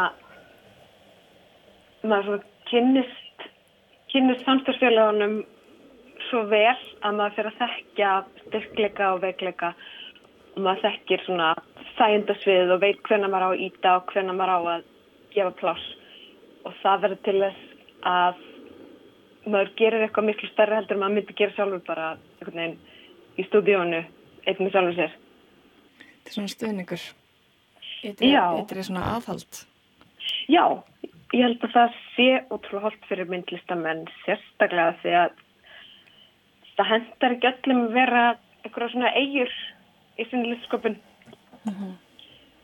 Þetta hljómar í rauninu bara eins og um, rosalega vel hefnað ástarsamband. Bara það, svona ástarsamband þar sem að aðeinslega vanda sig verulega mikið. Já, ég held að já, ég held að það sé alveg rétt, ég held að mörg ástarsamband verður betur komin ef að fólk vanda sig sem ég finnst við oft verið að gera með hver annari En ef þið lítið yfir farin veg Þetta eru sjö ár núna eða ekki? Sjö ár síðan þið stopnuðu hópin. Ég vissi ekki að það eru sjö ár. Uh, ég skil ekki tíman. Hvað, 2014 kannski? Jú. Sex ár. Við bara eldum svo rætt. Tíminn líður svo rætt. Já. Gaman að því. Mm. En ef þið lítið yfir farin veg og, og þessi ár og þessar síningar sem þið, þið hafi staðið að og, og listina sem þið hafi skapað saman, hvað stendur upp úr? Þetta hefur verið, einmitt, svolítið svona ferðarlag úr því að vera einhver svona klúpur sem hittist á sunnudögum e, eða einhverjum dögum og einna hérna áræðið saman. E, yfir í svo að við fórum að sína ákveðum að sína svona sjálfstæði verk saman á síningu og svo núna nýlega, alltaf ekki komin tvö ár að þá fórum við að vinna í því að búa til verk saman í fyrsta skipti. Þannig að það, það væri ekki einn höfundur heldur fleiri og, hérna, og sumulegis hefur hópin einhvern veginn þróaðist líka hérna, og þetta er svona vettfangur sem allir eru alltaf velkomnir einhvern veginn. En svo kannski tekur hluta hópinum bara heyrði við ætlum að hérna, vinna þessari síningu og þá gerum við það einhvern veginn og, og svo áfram. Og mér finnst bara brasi standa upp úr. Það er einmitt eins og hall að vera að lýsa finnast í einhverju svona fáralega skemmtilega maðurstæðum -hmm. hérna um, það er svo skemmtilegt. Og þegar þú segir bras Getið þið líst í nánar? Hvernig, hvernig brasið þið saman? Er þið þá mikið að græja og gera eða vera að retta hlutum? Ég, ég sé það fyrir mér, ég sé fyrir mér smá káos. Já, ég, það er svona eftirminnlegt við erum að sauma sett, eitna, hérna, verk sem við erum að vinna í, eða erum að klára reynda núna með bókverk í haust. Við erum búin að vera að gera núna í tvö ár á ólíkum stöðum, þetta er Kvít Sól og ég er aðna einhvern tíman kasólétt bara komin eitthvað 30, bara, nei 42 vikur næstu því hérna, að sauma á vinnustofunni hérna, fána og þetta er eitt svona, eitt svona á golfi með hluti að færa til þetta er svona, svona velrænt mm -hmm. bras og þetta er mér mjög eftirminnlegt að geta, að geta verið að brasa eitthvað sem að líka dreifir huganum frá því bara já, býtið þú kannski eignast barn á morgun mm. er eitthvað svona, við þetta sem að þetta er eitthvað svona, að ég veit ekki að vinna að einhverju, brasa í höndunum og og hérna, líka verið að vinna að einhverju saman. En það er svo eftirminnlegt hérna, Jenny Karlsdóttir, hún er amma kærasta minns hún kom með svo goða setninga til hún þegar við Halla vorum að keira austan frá Seysfjörði hún var sína og uh, gaman þegar maður kvótingum man ekki alveg orðu ég en það er, inntaki var að, já, að brasið bara gefur lífinu gildi. Að það er gegnum brasið sem að lífið einhvern veginn ah, fær gildi. og þetta fyrir sem er eitthvað svo ótrúlega fellið og allt sem við gerum er einhvers konar bras. Mm -hmm. þið viljið það að segja Ka Kallast alltaf á við setningum hans John Lennon, eða ekki? Life is what happens when you're busy making other plans. Einmitt, sem að reyna svona einmitt. brasaði hvert einu kannski og, eða listinni En Halla, þú varst með texta, er það ekki, sem að tengist brasi, sem að þú ætlar að fá að lesa fyrir okkur? Herði, já. Þetta er hérna úr bókinni Bánsjumon kemst í klípu uh, og það er Hulda Valdísdóttir sem þitti texta í Eimilin. Þannig er mál með vexti, sagði hann. Þegar blöður eru notaðar til að ná í hönang, skiptir öllu máli að geta gappa bíflöðunar. Ef ég nota grænublöðurna, þá halda þær að ég sé hluti af trénu og gefa mér engan gaum. Og ef ég nota bláa blöðru, halda þær að ég sé hluti af himninum og gefa mér heldur engan gaum. Hvort heldur þú að sé betra? Heldur ekki að þær sjáu þig þar sem þú hangir í blöðrunni? spurði Jakob. Ég veit ekki, sagði Bánsimón. Ég veit ekki hvernig bíflugurnar hugsa. Hann veldi vöngum dalla stund og sagði svo Ég ætla að vera eins og lítið svart skí. Þá er líklega best að þú veljir bláublöðuruna. Hún er blá eins og heiminin, sagði Jakob. Og þá var það ákveðið. Þeir held á stað með bláublöðuruna og að leiðinni stakk Bánsimón sér ofan í poll og velti sér upp úr honum þangað til að hann var orðin svartur á litin. Svo blésiður upp lauruna og hún þandist út og var gríðarlega stór. Fyrst heldu þeir báður í bandið en svo slefti Jakob takinu og Bánsumon sveif upp í loft. Húrra, kallaði Jakob, húrra. Er þetta ekki ágætt, kallaði Bánsumon niður til hans. Er ég ekki alveg eins og ský? Nei, Þú ert eins og bánsi sem hangi niður úr blöðru. Er ég ekki eins og lítið svart skí á bláum himni, spurði bánsimann og var daldi óanaður. Nei. Jæja, það getur verið að ég sínist öðruvísi frá þeim séð sem eru hérna uppi og svo er erfitt að gera sig grein fyrir hvernig bíflugur hugsa.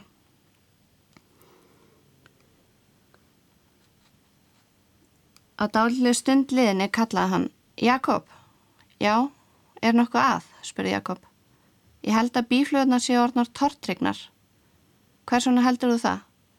Ég veit það ekki, ég held bara að það séu orðnar tortrygnar. Jakob, já, áttu reglíf heima? Já, það held ég. Viltu þá ekki sækja hana og ganga fram og aftur með hana upp spenta og líta við og við upp og segja Jú, mér sínist hann alltaf að fara að regna. Þá halda bíflöðunar að ég sé lítið svart skí. Jakob brosti með sjálfum sér og sagði bánsakjánin, en hann sagði það ekki upphátt því honum þótti svo vænt um bánsimón og svo fór hann heim til að sækja reglífina. Þetta er mjög fallið sagði um svona hjálpsemi og, og svona stuðningi í frasi einhvers annar sem að, já, svona kannski svona, maður sér ekki alveg. Já, einmitt svona vinina sem... Sko, mér líð sko stundum með svo svona allir aðstandendur sem er ekki myndlistamenn svona hugsa eins og Jakob Ækvætt er eitthvað. Henni finnst það að vera eitthvað merkingabært. Akkurat. En, en þið svona getur verið svolítið til staðar fyrir hverja aðra og, og syngt eh, skilning kannski, allan eftir svona lang, langt samstarf Já, þetta, þetta er svona og líka bara svona almennt séð í, í þeirri myndist sem maður að vinna maður er veginn hópar í kringum sig einhverju fólki og þú veist, séðan ringir kannski einhverju í mann og segir hérna herðu, við erum að gefa bókverk, ertu til að skrifa hægu um listaverk? Og maður segir bara, já ok, ég skal gera það. Og síðan fer maður að googla veist, ok, hvernig þá maður að skrifa hægu og maður er einhvern veginn og þetta er svona, mér finnst við það svo heppin sem er myndlist að vera alltaf á þessum stað þar sem að maður er komin í eitthvað svona fárlegar aðstæðir, eitthvað fárlegt bras og einhvern veginn bara eins og um daginn þegar ég var í veist, ég þrætti allar byggingaveruverslunir á höfuborgarsvæðinu og, og ég vissi ekki einu svona hver ég var leitað einhvern veginn. Ég var bara, ég var að leita að einhverju sem okkur vantaði fyrir síninguna en veist, ég vissi eða ekkert mm -hmm. þannig að ég gæti ekki einn svona spurt starffólki að því ég vissi ekki já. Ok, hvað lærið þér meira í þessari fæl? eh, við lærum til dæmis að eh, þegar maður er að hengja sagt, vír á milli tveggja molnandi súluna í vatni að þá er betra að hengja ekki á milli rimana á steganum að það festist stíin við vírin. Mm. ah. Þetta getur hlustendur skrifa hjá sér. Og það er betra um stóran bor en lítið Já, stóran helst. Mm. hvað er það að tala um stóran? Alveg svona, hvað er þetta? 2 cm Já. Eða hvað, já, já, okay, já. Erum við að tala um breiðan bor? Já, breiðan, breiðan, já, breiðan. Já. It's a lítið baby ból Ekki alveg, ekki aldrei En það er um ég hefna að hafa líka mæsól með okkur sem er brastrátning mikil hérna, og sinnir súrdegshópnum á Facebook og hérna, hefur súrdegsblogg og er ótrúlega góð í handunum Hún er, hún er svolítið svona producent Íslands, eða ekki? Hún er, hún er í mörgum verkefnum. Já, hún er, hún er algjör ofur kona, alveg frábær. Hún byrði okkur um til súrdegspítsu um daginn. Mm. stórkoslega og það er kannski þegar ultimate brass Súrdegið Já. Já. Hún heldur úti Facebook, nei hérna Instagram síðu ekki satt? Já, Nýbaka súrdeg Akkurat. Erum við að tala um myndir af brauðum og súrdegi Já, Já. Mm -hmm. Skemmtilegt. Mm -hmm. Já, mjög gaman Það er þú að læra það Herðu, þú þannig að hlægindi kona þú, þú varst með lag. Náttúrulega til þess að beða um að kynna einn lagi sem þú valdir og, og svona segja hvernig það tengist brásinu Já uh, ég let mér þetta í huga að spila lagið Highway 61 Revisited af plötunni Highway 61 Revisited uh, með Bob Dylan og þetta er sko hafið ekki lesið svona það er svona dálkar í öllum fjölmjörnum þar sem að fólk er spurt að svona spurningum svona hvað erstu með í vörsunum hérna, hvað kiptur þetta peysi og oft svona þegar ég er að lappa þá er ég ímyndað mér hver, hvernig ég myndi svara þessum spurningum. Eða svona ég kannski með eitthvað gott í vasan mér, ó nú er ég nú er ég gott að vera spurð. Ég er eitthvað með uh, já eina af þessum spurningum er svona hvað lag kemur þér í stuð? Þetta er svona þannig lag fyrir mig. En það er líka það er líka um eitthvað svona alveg svona vesen af svona biblískum hlutvöldum það er eitthvað svona hérna samtal þar sem að Guð er að byggja Abraham um að fórna sinn sínum. En líka þú veist að koma með eitthvað fyrst að drastli út á þjóðveginn. Bara hvað með síma, hvað með skormar og hvað með hérna áhröndabækki og þetta er bara svo ógæðslega mikið stuð Frásið er stuð Við skulum heyra lægið og það er um, Highway 61 Revisited með Bob Dylan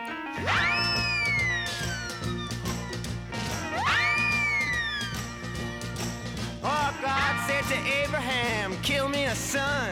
Abe said, man, you must be putting me on. God said, no. Abe said, what? Said, you can do what you want, Abe, but uh, next time you see me coming, you better run.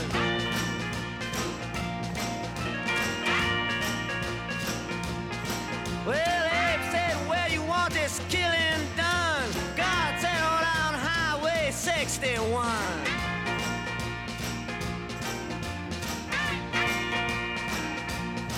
Well, Georgia Sam, he had a bloody nose. Welfare department, they wouldn't give him no clothes. They asked poor Howard, where can I go? Howard said, there's only one place I know. Sam said,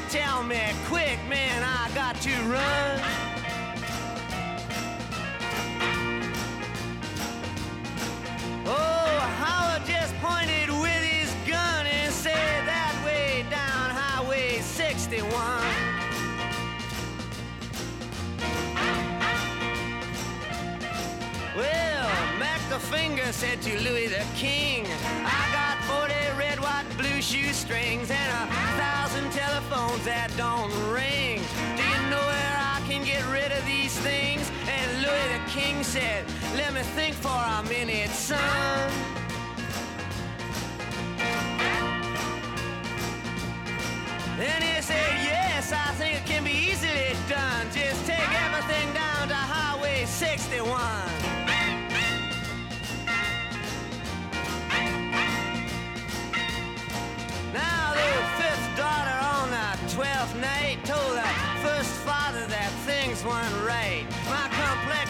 Says, it's much too white.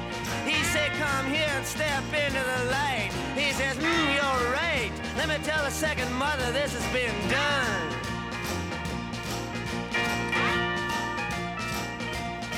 But the second mother was with the seventh son, and they were both out on Highway 61.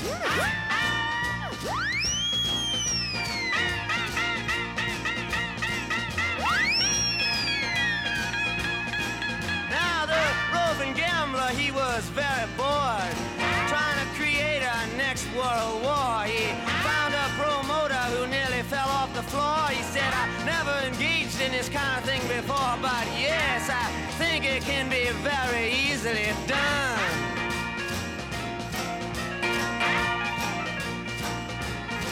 We'll just put some bleachers out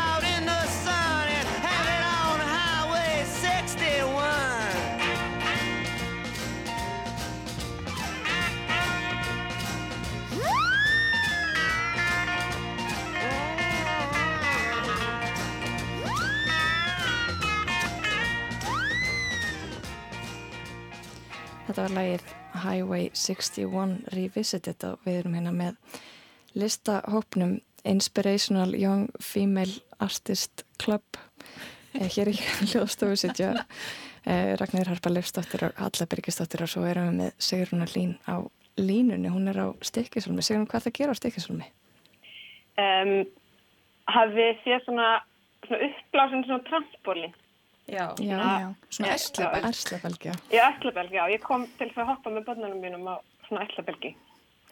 Þú veist, það það einn út af nesi líka. Músalspennu? Það sagði mér það ekki. Nei, ég er þess að bara í, ég er þess að bara í sjálfskyndu fríi. Mitt.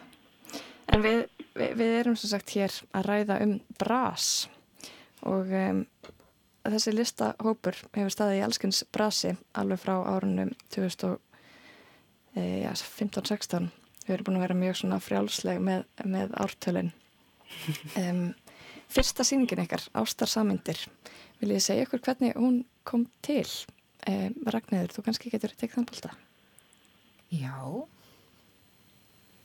Um, það var líka svona einhver svona þörf og viljið að sína saman og ge gera eitthvað saman í raun og veru. Og Katrín Eyjólfsdóttir hún hérna var með okkur og hún stakk upp á sína síningu um ástina. Og þetta fannst okkur eitthvað svo spennandi þetta einhvern veginn okkur fannst þetta valla meiga. Það var svo eitthvað skemmtilegt hérna, að gera það. Og þessi títilli frá Hellu, er það ekki rétt? Hann er frá... Nei, hann er frá Eithori, vinni mínum. Eitthvað, já, svona er minnið. Við minnir að Eithor Kjelvarsson, vinni minn hafið sami ljóð sem að hétt þetta. Já, hann gerði það og við fengum hann til til lánaðan og, hérna, og spunnum alls svona samindir, þetta er svona óleikverk sem að komu saman og voru hann í símhúsinu, hafnastæti. Og þá var ég síningstjóri og Steinin Lilja líka. Þetta var rosa gaman og mikið bras um, og svona og það, gaman líka að sko þessari vegferð að listaverki að fá þema. Veginn, og það sé eitthvað svona upphafsleitur í því. Unnið þá verkin út frá þemanu sjálfu? Já, þá var það, var það bara upphafið. Bara umhverfum að gera síningu um ástina og hvað getur það verið? Og það voru ólíkustu verk sem komu fram þar. Getið þið nefnt einhver? Já, ég man til dæmis að Una var með hérna, teikningu sem hún hérna, blíjanstekningu minni mig sem var eitthvað svona óljóst form. Það var ótrúlega áhrifuríkt á svona standi eins og er yfir utan bíó. Mm. um, Sigrun Hlín var með hérna, voru það þrjú eða tvö Sigrun svona bólstruð Já, það voru þrýr svona eins og flekkar sem voru svona bólstraði svona eins og rungablar með svona pínulitlum fjársjóðum saumuðum, saumuðum moni sem var svona bæltu niður hérna bólstrunina. Mm. Já. Fallegt. Já, ég, ég verðist að horfa, horfa á þessu verknuna á heimasíðan þetta er, þetta er mjög falleg Þeir eru mjög falleg og ótrúlega gaman og þetta var svona fyrsta svona sameinlega hérna síningi okkar mm -hmm. það var rosa gaman að gera Ég verði til að heyra nánar um, um hvernig þú sást Sigrun uh, þessa, þessa, þessa fjársjóði á bólstruður umgöflunum Hva, mm -hmm. hva, hvað taknaði þetta fyrir þér? Uh, verki hétt bed mm -hmm. og ég var að hugsa um hvernig uh, hvernig maður festur einhverju svona ást eða, eða setur eitthvað setur einhverju svona óskynsamlega mikla merkingu í pínlilla hluti. Mm.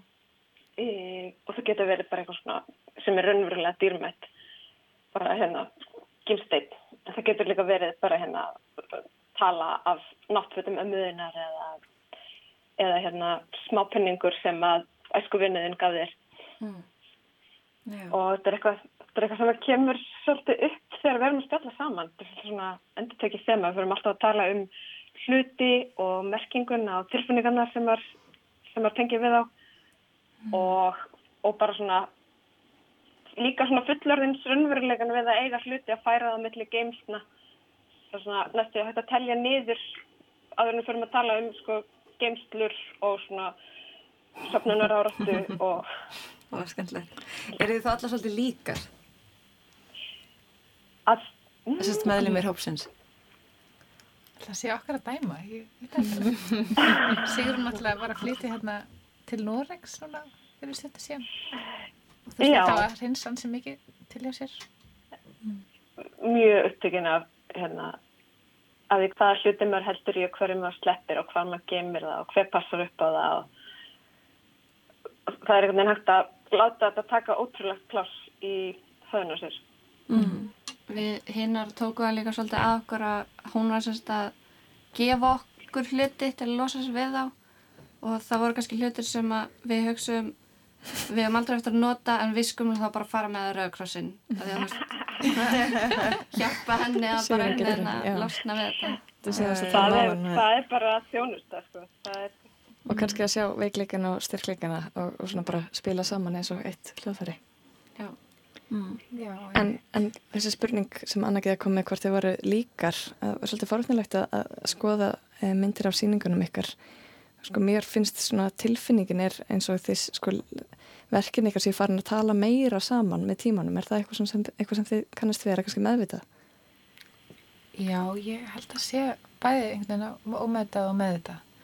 Ég held að eins og við gerum síningu í Hafnaborgununa fyrir tveimur árum og þá voru svona, þá var hver og einn með sitt verk en vitandi ferli ver, hinn að verkana og hvað hinn að voru að hugsa þá einhvern veginn spilast það náttúrulega saman og svo aftur var þema eða svona mm -hmm. stökkpallur sem að leita okkur inn í þetta þannig að þá það er líka svo gaman að hugsa um síningu sem einhver svona held heldar upplifun og eitthvað sem fyllir upp í rými og segja ákveðna sögu mm. og þá geta og munu verkinu og hjá hverjum að tala við hvort annað það verður hlutaði og ekki, líka bara alltaf í samtalenu sem verður á milli Vitt. okkar í því Ég held að þessu sammingi þá er samt þá finnst mér að einhver leiti Hallaskeri þessu svolítið úr, hún er svolítið svona burðarveggur af því að hún er með svo ótrúlega sterka og skýra línu í sínu höfundaverki. Það er bara svona stílinn og miðlinn og umfyllinarefnið er eitthvað svona með ótrúlega, ótrúlega skýrum boga í gegn. Svona mikið svona svolítið hlesta hann að vera trúsinni frásögn. Með við hinn erum kannski vera eitthvað sem sjálfverðindi. En að minnst á þetta, ég var að mynda að segja við Höllu áðurnum fórum í útsendinga því að hún var að segja mér að að segja okkur að, að þið hóparinn væri að fara að gefa út bók eftir hana núna í haust. Um, og þetta er bók í rauninu sem hefur verið við getum kannski sagt Halla að hún sé búin að vera í bígerð bara næstu því frá því að þú varst í listaskólunum Já, bara, já. Ekkert næstu því, bara hún hefur Alveg í rauninu frá því, já. já. Segð okkur aðeins frá efnistökum og, og úrvinnslunni. Uh, þetta er sagt uh, bók sem heitir, hún heitir Tóki eftir í þá eða Tóki eftir í eftir á. Og hún fjallar um sem sagt reynslu mína af því að fara í geruf þar sem að ég er að svona teikna og skrifa uh, um þessa reynslu. Uh, og þetta byrjaði með sem kannski þannig að þú veist eftir að ég útskjáðast að getelt að þá byrjaði ég að teikna bara eina mynd á hverjum degi og síðan þróaðist það út í að teikna eina mynd og skrifa söguna með sem þróaðist út í bloggsíðu sem síðan þróaðist út í, í bók. Og, og þetta er núna hluti af mastersverkefni í listkenslu Já, þannig að ég er sérst að uh, að ég maður hugsa um þegar maður er að skrifa svona persónulega sögu sko, einhvern veginn hvað er ég að vilja upp á dekk að, að af hverju ætti ég, pe, mín persónulega reynsla einhvern veginn að skipta einhverju máli? Þannig að ég er rauninni sérst, bað uh, sjö konur um að lesa bókina mína og spurði þar sérst, svona út í þeirra reynsli á því að lesa bókina og er að reyna svona finna út úr því sko, hvernig getur það sem ég er að gera eða taka sérst, mínu reynslu svona yfir því almenna, hvernig getur það hjálpa öðrum að. Hvernig valdur þessar sjö konur? Ég bara auglisti eftir þeim. Uh, ekki endilega konum sko, en það voru bara konur sem buðs fram. Og viðbröðin komið þér óvart? Um, já, svona sumt, en, en já, sumt ekki. Það er bara e, það er mjög erfitt að reyna að vera eitthvað hlétrægur þegar, þegar það er allar svo það, þetta hafður svo miklu áhrifar en, mm. en það er svona, já mm. Hafði ekki mikil áhrif á þig að, að, að, að sjá upplifin þeirra af þinni sögu? Jú, það hafði það sko. Ég hafði kannski ekki alveg áttu mig á því einmitt hvernig hvernig sko bókin getur vakið upp þess að þetta voru konur sem að til dæmis eiga mæður sem hafa farið í geðróf og líka konur sem hefur sjálf farið í geðróf og ég áttaði með einhvern veginn kannski ekki alveg á því hversu bara svona sterk tilfinninga viðbröð bókin getur val, sérst, valdið hjá þeim sem að er að lesa og margar sko lása þetta bara svona í einni bunu að því að þetta var svo, þeim var þetta spennandi en svo var einhverja sem uh, þurftu svolítið að taka sér pásu bara svona að því að þetta svona Passu upp á sig Passu upp á sig, já mm -hmm. Var ekki mikill munur á því að, að miðla þessari söguðinni í um, gegnum skrif og séðan í gegnum teikningar? Jú Og hver var þá munur? Var, var annað auðveldar en hitt? Ég sko ég, þetta svona virkar svolítið svona samhliða sko uh, þannig að en sérst, þegar ég gerði innsetninguna lokaverkjum mitt úr hérna listafaskólanum og þá e, þá er þetta meira eins og svona brotagent frásagnar í með það sem að fólk getur lappað inn í það og skoða sig um bara, bara skoða sig um inn í inn í þessari reynslu hjá mér. En ég fer náttúrulega miklu dýbra í það í bókinni. En þær töluðu svolítið um það sko konunnar að því að e, sérst, að fara ekki aðra og vera náttúrulega bara að missa tengslinn við raunverulegan mm -hmm. þannig að e, þú veist, það að lesa textan og, og hvernig ég lýsi raunveruleganum og horfa síðan á myndirnar og þá sjá þær það sem ég var að sjá. Og eins og einn tekning þar sem að e, er af sagt, ég er í London og það er svona rúta bara leðinni út úr myndflötunum og uh, sjást svona skýjarákir eftir flugvel uh, sem kannski fyrstu sín bara hérna, verðist vera eitthvað bara vennileg mynd en síðan þegar ég lýsi því í textanum að sagt, ég var að taka þessa mynd af skýjarákanum að því að flugvelirnar voru að fljúa á himninum að því að ég var að lappa þarna mm -hmm. að þá mm -hmm. breytir það algjörlega hvernig maður mm -hmm. les myndina og les þann raunveruleika sem ég var í. Fyrstu þú hafa fengið einhvern meiri skilning sjálf bara sem bara karakter eða bara þú einstaklingurinn Halla Byrkistóttir eftir að þú byrjar að vinna með þetta í gegnum myndlist?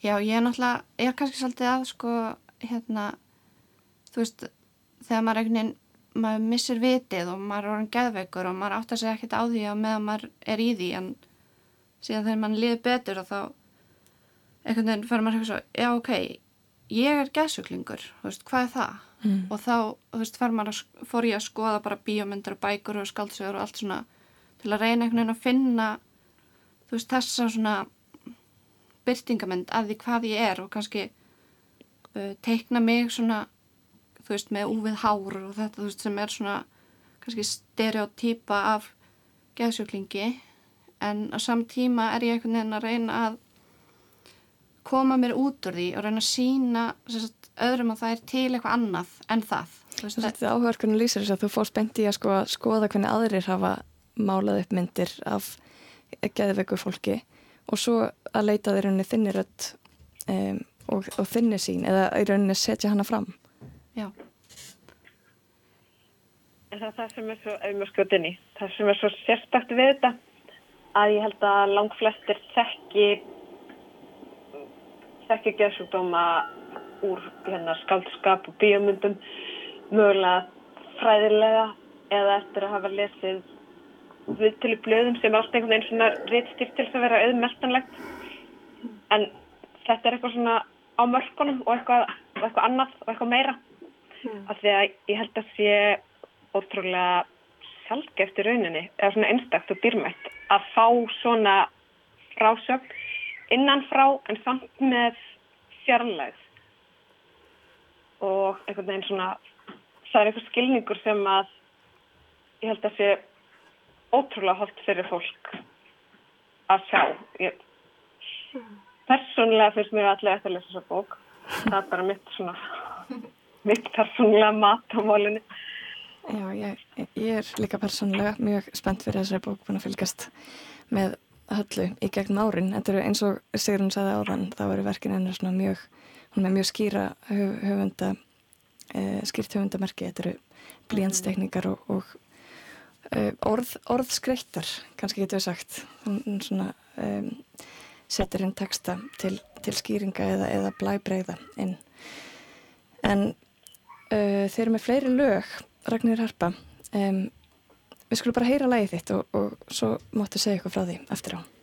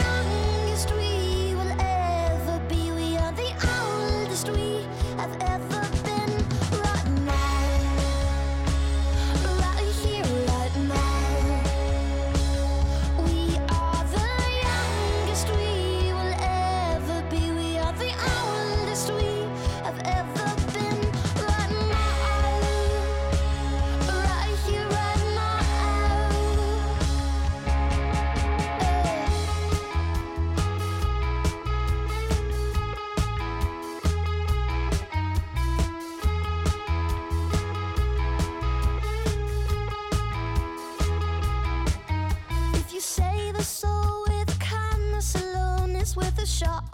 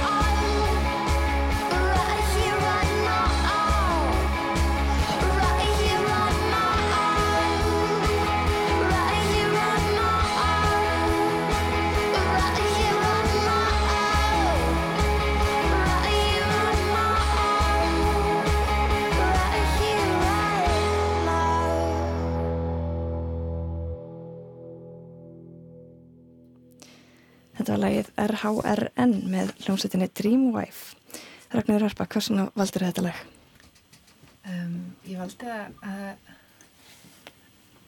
um, ég valdi að því þetta er einhvern veginn eina platan sem ég er að hlusta á þessa dagana. Ég er þannig, ég vel bara alltaf eitt og svo bara hlusta ég á það í einhverja vikur eða viku. Uh, það er eitthvað í, það er setningarna sem er, hérna, We are the youngest we will ever be We are the oldest we have ever been sem er uppanlega frá Eleanor Roosevelt um, sem Dreamwife tekur hérna og, hérna og bæti við bara right here, right now, einhvern veginn núna. Þetta er eitthvað svona áminningum, við erum akkurat hér núna þessari stundu, þetta er eitthvað um að hérna, svona grípa grípa stundina. En svo er þetta líka sko svolítið svona trippjúta þakklæti fyrir alla og þannig að vera að tala um sko allar þær sem hafa lagt þessa leið fyrir að hérna, allar sem hafa hérna, paved our way hérna, inn, inn í þetta og það fannst mér eitthvað svo æðislegt við hérna, tengslum þetta þema þetta bras mm. og svona hann er hérna, bara við skoðum út frá kvennritindum hann er hérna ótal margir og margar búin að leggja þvílikt bras hérna til þess að leggja á sig til að komast þessi verum í dag. Um, og við finnst að líka tengja spókinni það er eitthvað hérna við sko hérna við erum að leggja fram mikið bras hérna, til að hérna, varpa ljósi á eitthvað nýtt eitthvað nefn svona út og inn hérna, eitthvað fyrir innan og eitthvað fyrir utan. Um, kannski tengist að vera brautriðjandi brautriðjandi, það er bara mjög gott orð fyrir þetta. Og það er eitthvað sko brautriðandi akkurat núna, þetta verður að minna okkur á einhvern veginn hverfuleikan, einhvern núið sem er svo samofið mm -hmm. um, já að þess vegna fannst mér það vera vel við hæfi.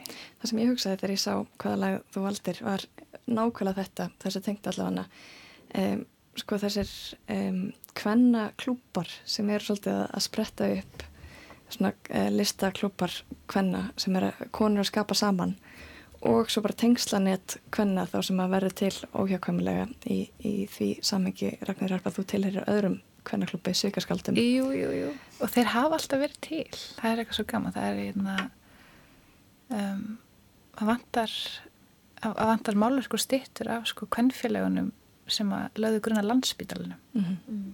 hvað er, hvar er þetta, þessi tribut það, það er hvennfélagin, þetta er eitthvað svo samofið sko, líka íslensku samfélagi hérna, menningararfi og, hérna, og starfsemi sem hafa haldið utanum hérna, okkar þjóð og séð til þess að það eru byggðið skólar og hérna, spítalar og er kannski svona í bakgruninu meira. Já, er, og, og það er held ég ekkert verra.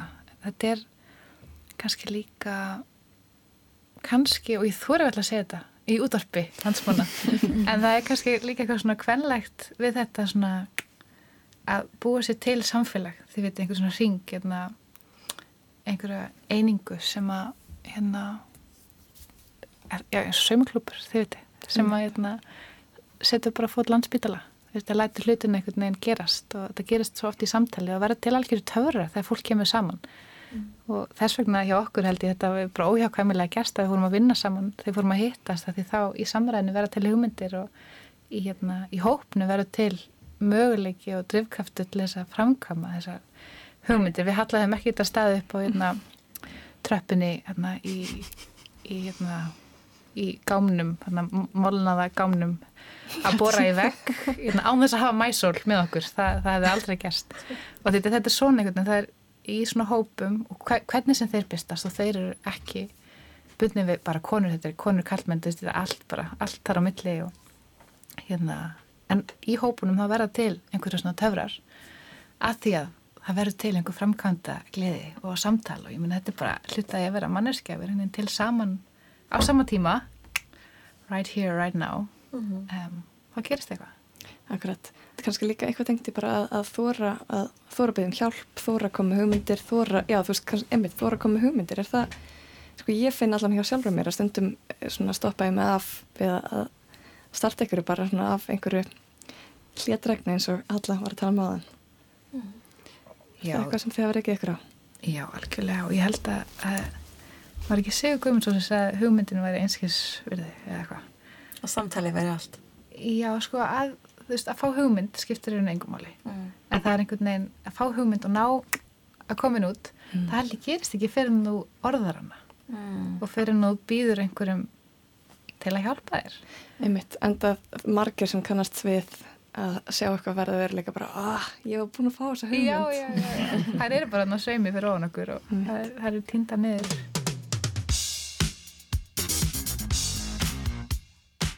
En það eru bara lokalag þáttarins og að þessu sinni er það Get It Right Get It Right með Ríktur Franklin og þetta er lag sem að Mæsól valdi Mæsól er fast í brasi, ekki satt? Jú mjög fast í brasi þessa stundina. Alltaf sé að baka svolítið stundir. Alltaf stundir. Hún er svolítið ekki að brasa kjúling, hún er bara í svona heimilisbrasi. Mm, spennandi. Mjög gott. Takk fyrir komuna The Young Inspirational Female Artist Club. Takk fyrir okkur. Takk fyrir okkur. Gaman að koma.